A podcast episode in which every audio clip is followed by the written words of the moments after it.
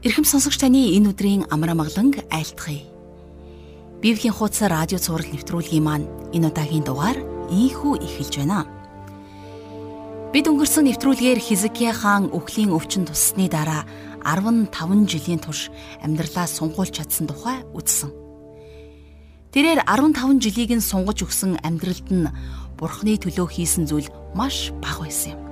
Харин үр хүүхэд болон Израилийн хаанчлалд маш муу үр дүн авчрах бардамнал бас өөрийнх нь хаан ширээг залхамжлах ирээдүйн хорон санаатан манасыг төрүүлсэн юм.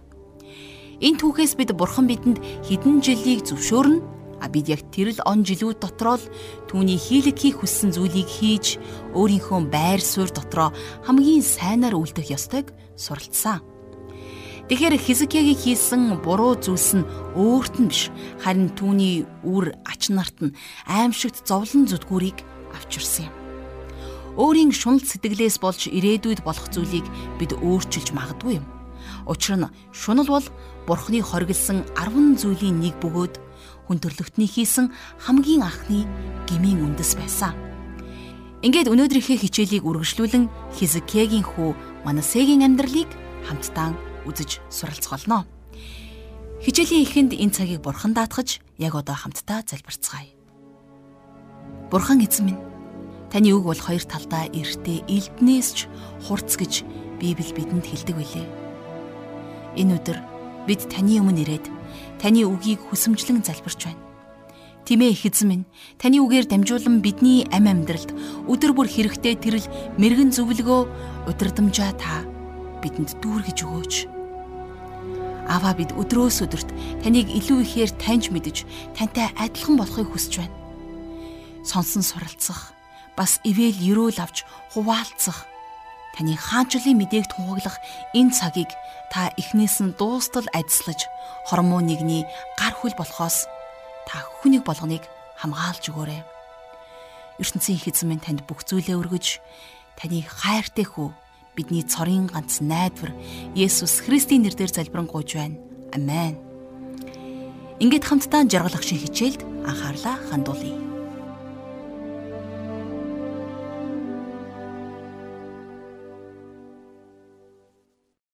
За бидний өнөөдрийн хамтдаа үзэх 2 дугаар хаадын 21-р бүлэг болвол бас л маш их сургамжтай бүлэг. Бид өнгөрсөн бүлгээр Хизкия хааны тухай үзсэн. Тэгэхээр Хизкия хаан болвол Юда улсын түүхэнд Давидын дараа гарч ирсэн хамгийн агуу хаан байсан. Тэрнтэй зүүрлэх өөр мундаг хаан гарч ирээгүй. За тэр маш олон талаараа Давид хаантай адилхан хүн байсан л да. Хизкия хаан болон Давид хаан хоёр өөр нэг талаар адилхан байсан нь тэр хоёр хоёулаа их тааруухан аав нар байсан. За Хизкиягийн хүү Манеса болвол Юда улсыг хаанчилж байсан хаадас хамгийн хорон муу хаан болсон байдаг. Бурханлаг хаан Хизкиягийн хүү Манесагийн тухай унших тусам зүрх хэмтэрмээр санагддаг юм. Жохомдоо Манеса хааны үед Бурхны алдар Иерусалим дахь сүмийг оргисон байхаа гэж би хувьдаа боддог. Яагад гэвэл Хизкия хааны хаанчлалын үед Бурхны алдар эзний сүмд оршин байсан. За тэгэд харин Манесагаас хойш болвол эзний сүм зүгээр л хөндий хоосон барилга болж хувирсан.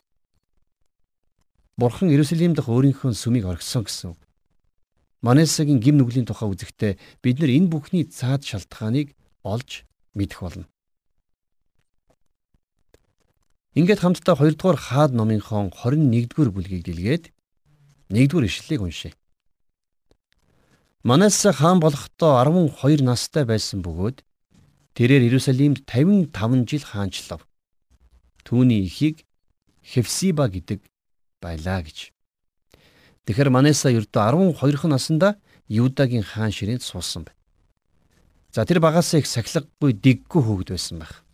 За хүүхэд багада томоогүй байсан ч гэсэн том болоод ухааждаг. Харин Манеса болвол том болох тусам улам бүр хорон муу санаатай болсоор байсан. За тэгээд Библиэд хэлснээр тэрээр Иерусалимд бүхэл бүтэн 55 жилийн турш хаанчилсан байдаг. Бурхан Манесаг гим нүгэлт замаасан эргэхийг удаан хүлээсэн тэрэнд маш их боломжийг өгсөн. За хэрвээ бид нар 2 дугаар шаштар номон дээрээс тэрнийг эцсийн эцэст бурхны өмнө гимссэн тухай өгүүлсэн тэр баримтыг бас мэдэх боломжтой байдаг. Тэгэхээр Бурхан бол төвчээртэй. Хүлээцтэй Бурхан.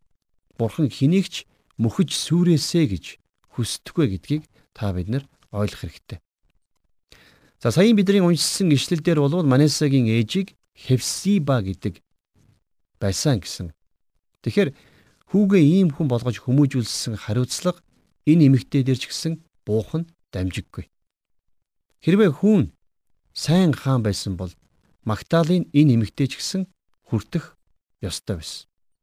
За магадгүй Хевсиба их сайн ээж байсан байж болох ч гэсэн ямартай ч тэрний хүү Манаса Юдагийн түүхэнд байгаагүй хамгийн хорон муу хаан болж хувирсан байна. Цааш нь хамтдаа 21-р бүлгийнхээ 2 дугаар ишлэгийг уншийе.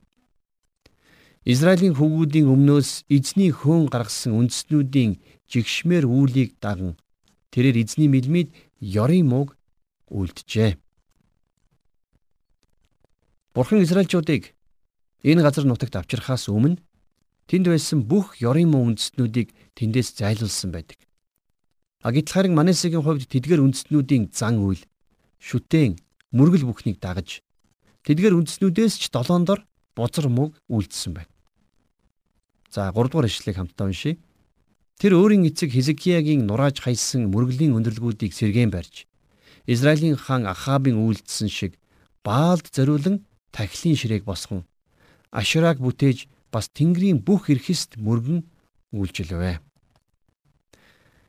Хизкия хаан худал хуурмаг шүтэнүүдэд зориулсан бүх мөргөлийн газруудыг устгаж зайлуулсан байсан бол харин Манасса тэр бүхнийг нь эргүүлэн сэргээн босгосон байна.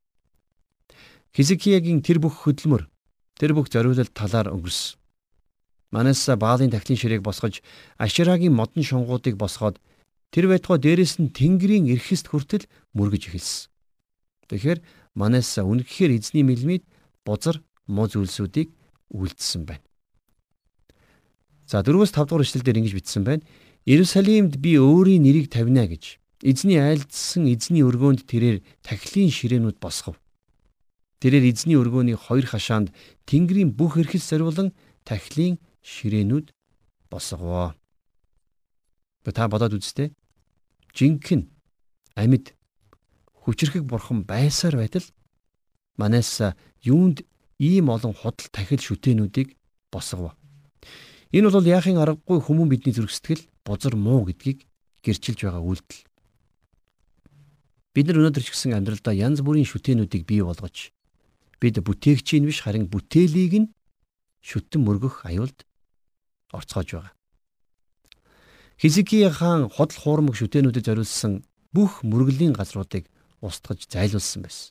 А гэтэл харин хүүн тэр бүхнийг эргүүлэн сэргэн босгож байна.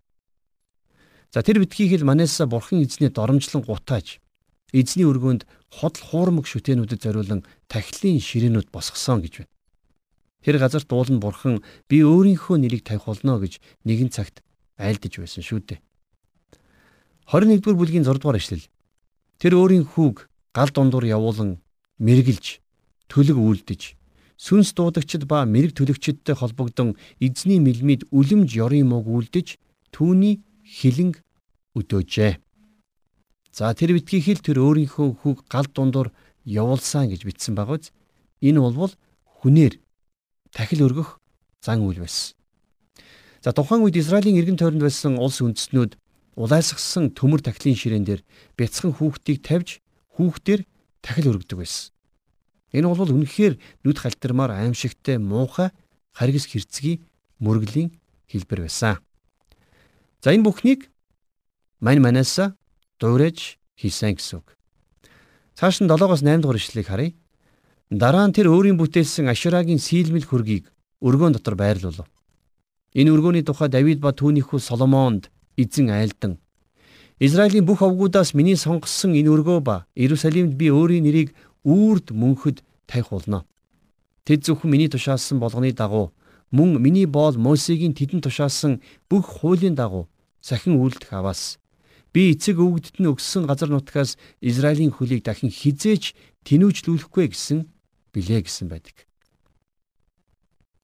За тэгэхээр юудачууд ч гэсэн өөрсдөө мэдлгүйгээр цөллөгт явах бэлтгэлээ бүрэн базаачсан байж эцэст нь тэд нар тэнд бүгдээрээ Вавилон руу цөллөгдсөн. Яагаад гэвэл энэ газар нутгийг бурхан тэднэрт өгөхдөө нэг шаардлага тавьсан байсан нь бурханд дуулууртай байх явдал байсан. Харин тэд бурхны өмнө дуулууртай байж чадаагүй. 9 дугаар ишлээс харах юм бол гэвч тэд сонсоогүй бөгөөд Израилийн хүүгүүдийн өмнөөс эзний устгасан үндснүүдээс ч илүүгээр ёрын мөг хийлгэхээр тэднийг манайса уруу татсан юмаа гэсэн байна. За манайса бол эзний устгасан үндснүүдээс ч дор байсан байгаа биз? Тийм учраас бурхан манайсад хандан иш үзүүлэгчдэрээ дамжуулан дараах зүйлсийг хэлсэн байдаг.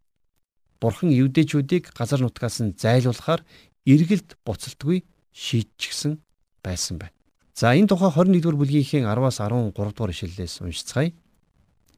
Эзэн өөрийн зарц иш үзүүлэгчдээр дамжуулан айлдахдаа Юдагийн хаан Манасса эдгээр бузрыг хийж өөрөөс нь өмнө байсан бүх амуурчуудын хийснээс илүүгээр ёрын мөг үйлдэн шүтэнүүдээрээ дамжуулан Юдаг нүгэл үйлдүүлсэн учраас Израилийн бурхан эзэн ийн айлдаж байна. Үзэгтэн би Иерусалим болон Юда дээр бузар гамшигыг илгээх бөгөөд үүний талаар сонссон хэний ч хоёр чихэн хангинах болно. Би Иерусалимийн дээгүүр Самарын химжигч олсыг болон Ахабын гэрийн тэгшлүүрийг татна. Павган арчаад эргүүлэн хөмөрдөг шиг би Иерусалимыг арчиж хаях болноо гэж хэлсэн байна. Тэгэхээр энд бурхан Самар болон бүх хойд Израилийг шүүж цөллөгт явуулсан шиг бас Иерусалим болон бүх Юудаг цөллөгт явуулна гэж хэлж байна. За хүн хоолоо идээд аяг тавгаа угааж арчдаг шиг бурхан Юудаг арчиж хаях болно гэж хэлсэн. Иерусалим хот бол бурхны хот байсан. Харин Израильчууд энэ хотыг бузартуулж орхисон байна. Тийм учраас бурхан энэ хотоо цэвэрлэх болно гэж хэлж байна. Бид нэр өөрсдийгөө дөвийлгэж, өөрсдийгөө агуу мэтээр сэтгэж биднэрт бурхан байхгүй гэж бодсон ч гэсэн эцсийн дүндээ бид нар бурхны бүтээсэн, бурхны бидэнд өгсөн газар нутаг дээр амьдарч байгаа гэдгээ хизээч мартаж болохгүй.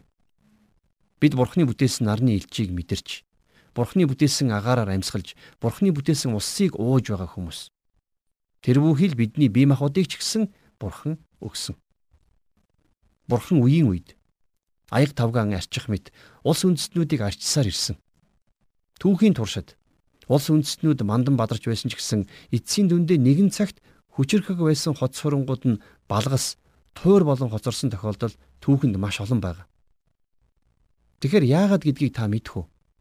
Яагаад гэвэл тэд цөм бурхангүй амьдарч байсан. Тэд нар бурхангүй амьдарч болно гэдэгт итгэж байсан. Өнөөдөр ч гэсэн манай улс орон бас нэгэн иймэрхүү хандлага байдалтай яваад байгаа юм шиг надад санагдаж байна.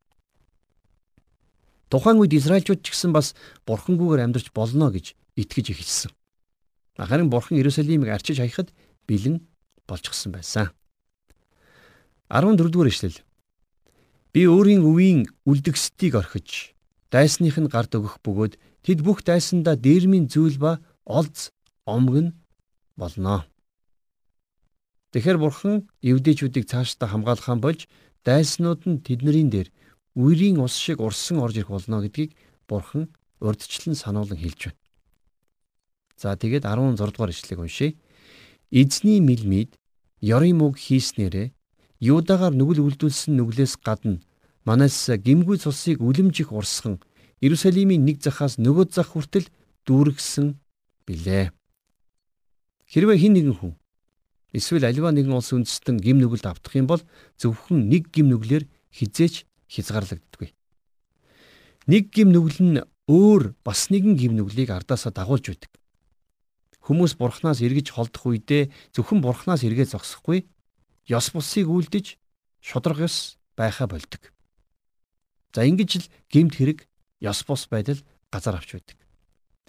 Хүмүүс нийгэмдэх гимт хэргийг бууруулах гэж янз бүрээр оролддог ч гэсэн улс үндэстэн бурхан руу эргэхээс нааш гимт хэрэг зогсноо гэж байхгүй. Бидний хийх ёстой хамгийн ихний алхам бол бурхан руу эргэх явдал юм. За цааш нь 21 дугаар бүлгийн 17-оос 18 дугаар эшлэлдэр Манасегийн бусад үйл хэрэг болон түүний хийсэн бүхэн нь мөн түүний үйлдэлсэн нүглүүд Юдагийн хаадын шаштар номд бичигдсэн босуу. Манас эцэг өвгдийнхөө хамт нойрсож өөрийн гэрийн цэцэрлэг буюу Узагийн цэцэрлэгт тавигджээ. Түүний хүү Амон оронд нь хаан болжээ гэсэн байна. За энэ бол Манассе хааны түүх. Тэрнийг ямар их бузар муу хаан байсан бэ гэдгийг бид сая хангалттай уншиж мэдлээ. Бурхан Манасаг маш удаан төвчиж өөрлөө нэргэх болов уу гэж маш их төвчээртэйгээр хүлээсэн. За ингээд Манасагийн хаан ширээг хүү Амон нь залгамжилсан байна. За 21-р бүлгийн 19-оос 22 дугаар ишлэл. Амон хаан болохдоо 22 настай байсан бөгөөд Иерусалимд 2 жил хаанчлав. Түүний эхийг Йотбагийн Харузын охин Мишүлемет гэдэг байв. Тэр өөрийн эцэг Манасегийн үйлдэлсний адил эзний мэлмид ёрын мог үйлдлээ. Тэр эцгийнхээ явсан бүх замаар замнаж, эцгийнхээ үйлчилж байсан шүтээнүүдэд үйлчилж, тэдгээрт мөргөссөн билээ. Тэр эцэг өвгдийнхөө бурхан эзнийг түлхэж хаяад эзний замаар явсангүй. За тэгэхээр Манасагийн араас Юдагийн хаан болсон Манасагийн хүн Амон ч гэсэн бас эцгийнхээ замаар замнсан бузар муу хаан байсан. За тийм учраас тэрний хаанчлал удаан оршин тогтнож чадаагүй байна. 23 дугаар ишлэлдэр Амоны зарцнаар түүний эсрэг хуйлдаж хааныг өөрийнх нь герт алав. За Амоны бузар үйлдэл эргээд тэрний эсрэг хуйлдаан бослог гаргахад хүргэж байна. Тэгэхээр улс орны удирдагчид бузар мууг үйлдэж хууль бус амьдралаар амьдарч эхлэх үед улс оронд эмх замбраагүй байдал үүсдэг. За тэгээд эцсийн дүндээ энэ нь бослог үүмэн самунд хүргэдэг. За 21 бүлгийн 24-өөс 26 дугаар ишлэл. Гэвч тэр газрын ард түмэн Амон хааны эсрэг хуйлдагчдыг бүгдийг нь алж оронд нь түүний хүү Йосаяг хаан болгожээ. Амоны хийсэн бусад үйл хэрэг нь Юдагийн хаадын шаштар номд бичигдсэн босуу. Тэрээр Узагийн цэцэрлэгдэх өөрийн газарт тавигджээ. Хүү Йосаян түүний оронд хаан болсон юмаа гэсэн байна. За энэ гарч ирж байгаа Йосая хаан болвол Юдагийн зөв шудраг хаадын хамгийн сүүлчийнх нь байсан. За Йосая зөвхөн зөв шудраг хаан байгаа зогсоогүй. Тэрний хаанчлалын үед Израильд сүнслэг сэргэлт ирсэн байдаг. Тэгэхээр бидний одоо үргэлжлүүлэн үзэх 2 дугаар хаад номын 22 дугаар бүлэг дээр бүхэлдээ Йосая хааны хаанчлалын тухай гарна. Тэгэхээр Йосая 8 настай хүү байхдаа хаан ширээнд суугаад Юдаг 31 жил хаанчилсан байдаг. За тэрнийг Соломон хааны дараа хамгийн агуу хаан гэж нэрлсэн байдаг. Йосаягийн хаанчлалын дор улс оронд нь сүнслэг сэргэн мандалд ирсэн байна. За тэрний зөвлөх туслагчаар тэрүүн тахилж Хилкия гэж хүн ажиллаж байсан. За ингээд хамтдаа Йосая хааны тухай жоохон суралцгаая. За 2 дугаар хаад намын 22 дугаар бүлгийн 1 дугаар ишлэл. Йосая хаан болохдоо 8 настай байсан бөгөөд Иерусалимд 31 жил хаанчлав. Түүний эхийг Боскадын Адаягийн охин Ейдида гэдэг байлаа. За Израилийн хаадын дунд бага наснаасаа хаан болсон тохиолдол маш олон байгаа биз? Яагаад тэр вэ? За яагаад гэх юм бол эцэг нь цаг усаар амиа алдсан учраас хүүн ийм бага залуу наснда хаан болж байсан. Бурхан эцгийг нь бозар мөн үйлсийнх нь улмаас зайлуулсан учраас Йосая хаан 8х наснда хаан ширээнд сууж байна. За 20 дугаар эшлэл. Тэрээр эзний мэлмид зөв зүйтэйг үлдэж Өвг эцэг Давидын хаан бүх замаар замнан зүүн тийшч баруун тийшч хазаасангүй. За ингээд Юда нутагт нар гарч байна тийм ээ. Эргээд гэрэл гэгээ тусч эхэлж байна. Йосая хаан хаан ширээнд сууснаар Юдагийн түүхэнд Давид хаан Соломон хааны үеэс хойш тохиолдоогүй агуу сүнслэг сэргэлт энэ газарт ирж байна. Тэгэхээр миний хувьд улс оронд маань сүнслэг сэргэлт зайлшгүй хэрэгтэй байна гэж би итгэдэг. За тэгж байж л бүх зүйл өөрчлөгдөнө. За нэг бол сүнслэг сэргэлт ирнэ, а нэг бол хувьсгал болно. Өөрөөр нийгмийн бүх давхаргыг хамарсан авилга хээл хахвал ёс бус байдал арилах боломжгүй юм. Өнөөдөр ёс суртахуунгүй эмх замбраагүй байдал газар авч байна. Садар самуун явдал, архиталт, завхаарл, гимт хэрэг, бузар муу бүхэн газар авсаар байна. За зүүрлүүлж хэлэх юм бол яг л алс холын нутагт гахаан хороонд амьдарч байгаа төөрсөн хүүш шиг тийм байдалтай нийгэмд бид өнөөдөр амьдарч байгаа. За тэрч битгий сүм чуулганууд ч гэсэн бас бурхны үгийг үнэн боддоор дамжуулах тал дээр онцгой анхаарах хэрэгтэй байгаа юм. Итгэгч бидний хувьд хамгийн түрүүнд нэг зүйлийг ойлгох хэрэгтэй. Сэргэлт гэдэг бол хувь хүнээс, хувь итгэгчээс эхэлдэг гэдгийг бид ойлгох хэрэгтэй байна. Тэрнээс олон хүнийг хамарсан том хөдөлгөөнөөс сэргэлт эхэлдэггүй. Өнөөдөр эх орныг мань удирдах байгаа хүмүүсийн дотор бидэнд бурхан хэрэгтэй гэж хэлж чадах улс төрчид гарч ирэх хэрэгтэй байна. За мэдээж ингэж хэлж чадах зүрх сөрөгтэй хүн гарч ирэх юм бол эхэндээ мэдээж их сонин харагдана. Гэхдээ бидний одоо үзэж байгаа түүхэн дээр Ёсои хаан чухамдаа яг л ийм алхмыг хийсэн байна. Тийхүү улс үндэстэнд нь сэргэн мандалд ирсэн. За 3-аас 4-р ишлэлийг хамтдаа харъя. Ёсои хааны 18 дугаар онд Мишуламын ач Азалиягийн хүү Гүш Шафаныг хаан эзний өргөөрөө илгэн Дааман хаалганы сахиулуудын ард түмнээс цуглуулсан буюу эзний өргөөнд авчирсан мөнгийг тоолуулахын тулд тэрүүн тахилж Хилкия дээр өгсөж очих туун гэж хэлсэн байна. За тэгэхээр Ёсая хааны хийсэн хоёр дахь чухал алхам болвол тэр сүмийг засаж сэргээсэн. Ёсаяг хаан ширээн цуух үед эзний сүм бараг ашиглалтнаас гарчихсан байсан. Эзний сүм тухайн үед нэг төрлийн агуулга шиг газар болчихсон байсан. За тэгээд цааш нь 22 дугаар бүлгийнхээ 5-аас 6 дугаар ишлэгийг хамтдаа уншийе. Үүнийг эзний өргөөг хариуцсан ажилж буй хүмүүсийн гарт даатга. Тэд түүнийг өргөөний эвдэрлийг засварлахаар эзний өргөөнд байгаа ажилчдад өгөг. Тухайлбал мужаанууд, барилгачид ба чулуучдад мөн өргөөг засварлахаар гуайлан мөн цавчсан чулуу худалдаж авахд зориулан өгөх төөн гэсэн байна. Тэгэхээр Ёсая хаан хүмүүсийг эзний өргөөг барьж байгуулах ажилд ханьцуу шамлан орохыг уриалж байна. Өнөөдөр сүм чуулганууд зарим талаараа Ёсаягийн үеийн эзний өргөөтэй их төстэй болсон юм шиг надад санагддаг. Зарим талаараа нилээд том хэмжээний сэргээн босголтын ажил биднэрт хэрэгтэй байгаа. Тэгэхээр би энд сүмийн байрны тухай яриаггүй гэдгийг та мэдэж ойлгож байгаа бах тийм ээ. Байрны хувьд өнөөдөр гой сайхан байртай чуулганууд олон байна.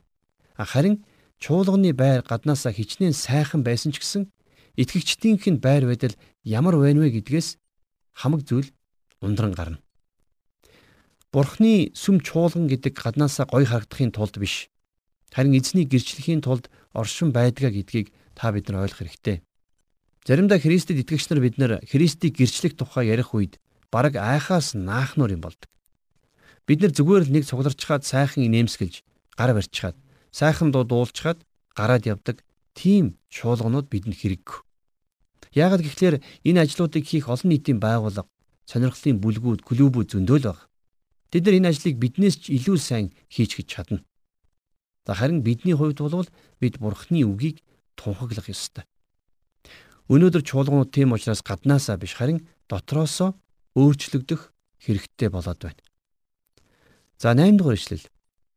Тэргүүн дахилж Хилкия гүш Шафанд би эзний өргөөнд хуулийн ном оллоо гэв. Хилкия тэр номыг Шафанд өгч өнөөх нь уншив.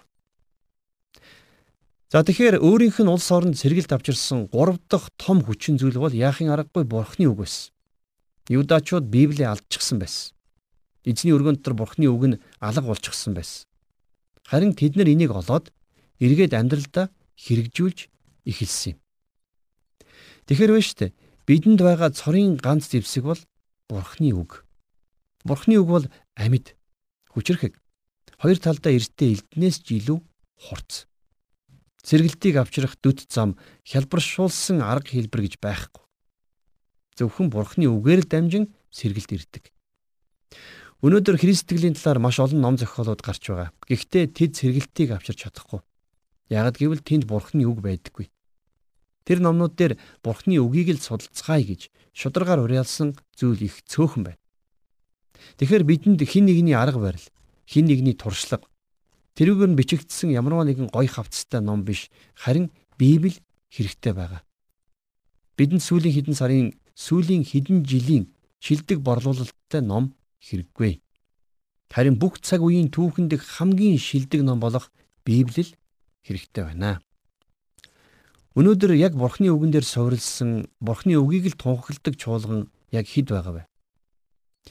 Ёсаягийн үед Бурхны үг эзний өргөн дотор алга болчихсон За бүр олдохоо болчихсон байсан шиг өнөөдөр сүм чуулганууд биднэр бурхны үгийг орхигдуулж хизээч болохгүй. Есүсийг жаахан хүү байхад нь Мария Йосеф хоёр тэрнийг сүмд мартаад явчихсан тохиолдлыг та санаж байна уу? Тэгвэл өнөөдөр заримдаа бурхны үгч гисэн тэр Есүс ч тэр сүм цуглаан дотор мартагдчих гээд байгаа юм шиг заримдаа надад санагддаг юм. Ёсой хааны үед тэрүүн дахилж Хилкия бурхны үгийг сүм дотроос олсон. Эзний өргөөн дотроос. Өөрөөр хэлэх юм бол эзний өргөөн дотор бурхны үг болох хуулийн ном алга болчихсон. Хаана байгаа нь мэдэгдэхгүй гээгдчихсэн байсан. Харин тэд нар бурхны үгийг олж бурхны үг рүү анхаарлаа хандуулж эхлэх яг тэр үед сэргэлт ирсэн байдаг. Нэгэн залуу пастор нэг алдартай хөгшин пастортай уулзсан байна. За тэгээд тэр залуу пастор та ийм ийм зохиолчийн ийм ийм мундаг Христ итгэлт номнуудыг уншиж үзсэн үү гэж асууж гин. Тэгсэн нөгөө хөгшин пастор үгүй гэж хариулж. Нөгөө залуу пастор гайхаад та ерөөсөө ном уншдаггүй мүү гэж асуусан чинь үгүй би уншдаг. Би Библийг уншдаг гэж хэлсэн байна. Тэгээд нөгөө залуугаас чи 7 хоногт хэдэн цаг Библийг уншдаг вэ гэсэн чинь тэр залуу Библи бараг уншдаггүй нөхөр болж таарсан байна. Тэгэхээр бид нар янз бүрийн арга барил, янз бүрийн системийн тухай номнуудыг биш харин Бурхны үг болсон Библийг уншиж эхлэх юм бол эндээс сэргэлт гарна гэдг нь баталгаатай байдаг. 22 дугаар бүлгийн 9-с 10 дугаар ишлэгийг үргэлжлүүлэн хамтдаа уншицгаая. Гүүш Шафан хаанд бараалхаж түүнд хариу үг уламжлан таны зарцнаар өргөөнөөс олдсон мөнгийг цуглуулж эзний өргөөг хариуцагч ажил хийгчдийн гарт даатгав гэв. Гүүш Шафан хаанд тахилч Хилкия надад нэг ном өгсөн гэв. Шафан уг номыг хааны өмнө уншжээ. Ёсой хааны хувьд амьдралдаа анх удаага Бурхны үгийг сонсож байгаа нь энэ. Бурхны үгэнд хэрхэн хандах тэрний хандлагаас тэрний ирээдүй, тэрний улс үндэстнийх нь ирээдүй шийдэгдэх болно. Тэгэхээр хамтдаа бүгдээрээ дараачихаа хичээлээр Ёсая хаан Бурхны үгийг сонсоод яг ямар хариу үйлдэл хийсэн тухай үзэх болно.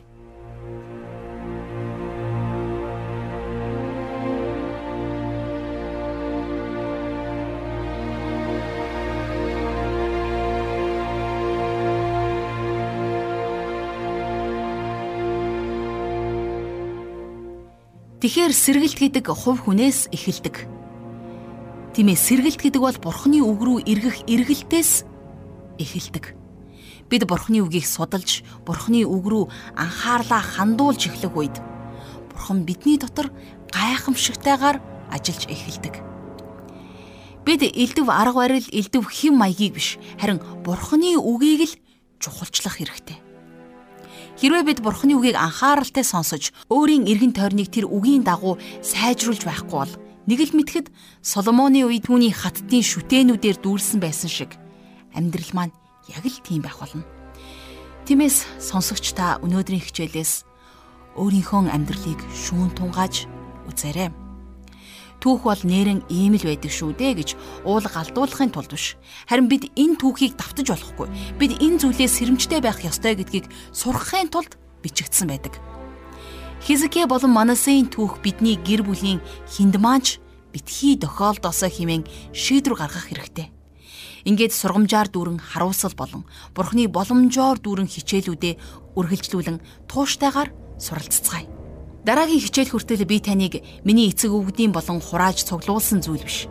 Харин Бурхны үгээр дүүрэн талархалтай зөв зүрх сэтгэл минь энэ амьдралыг авч явах юм байна гэдгийг ойлгож тунгаагаасаа гэж хүсэж байна.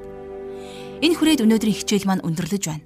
Харин та Хизкэ болон Манасын хааны амьдралын түүхээс сурч ойлгосон зүйлийнхаа төлөө Бурханд талархаж мөн түүнээс хэрэгжүүлэх хүч, урам зориг, нэгүслийг эзнээс хамтдаа гуйж залбирцгаая. Бурхан эцэг минь таньдаа баярлалаа. Та өөрийнхөө үгээр дамжуулан бидэнд өөрийнхөө хүслийг илчилж өгсөн учраас танд бүх алдар магтаалыг өргөж байна. Та биднийг таны үг рүү анхаардаг хүмүүс болгож өгөөч. Тийм ээ их эзэн минь таны үгийг эрэлхийлдэг, таны үгийг хүсэмжилдэг хүмүүс болгож өгөөч гэж бид залбирч байна. Тинхүү та өөрийнхөө үгээр дамжуулан бидний хувь хүн нэг болгоны дотор ажиллаж хувь хүн нэг болгоны дотор та сэргэлтийг өгөөч. Эзэн минь ээ, үнэхээр Хизкия болон Манасей хааны тэр түүх, тэр гутамшигт явдал, тэр буруу эргэлтүүд, эзэн танаас тэрсэлсэн тэр дэрслүүд бидний ам амьдрал болон бидний үр хүүхдүүдийн ам амьдралд бүү тохиолдосоо. Эзэн таны гайхамшигын моторт, эзэн таны өрөвч нэгүүлсэнгүү хийгээд инэрл хайрын моторт бид ам амьдралаа, үр удмаа, тэдний хооч үеийг ам амьдралынхын замналыг түүхээ бид танд өргөж бидний цорын ганц найдвар ялалтын нэр болох Есүс Христийн нэрээр залбирanгуйж байна. Амен.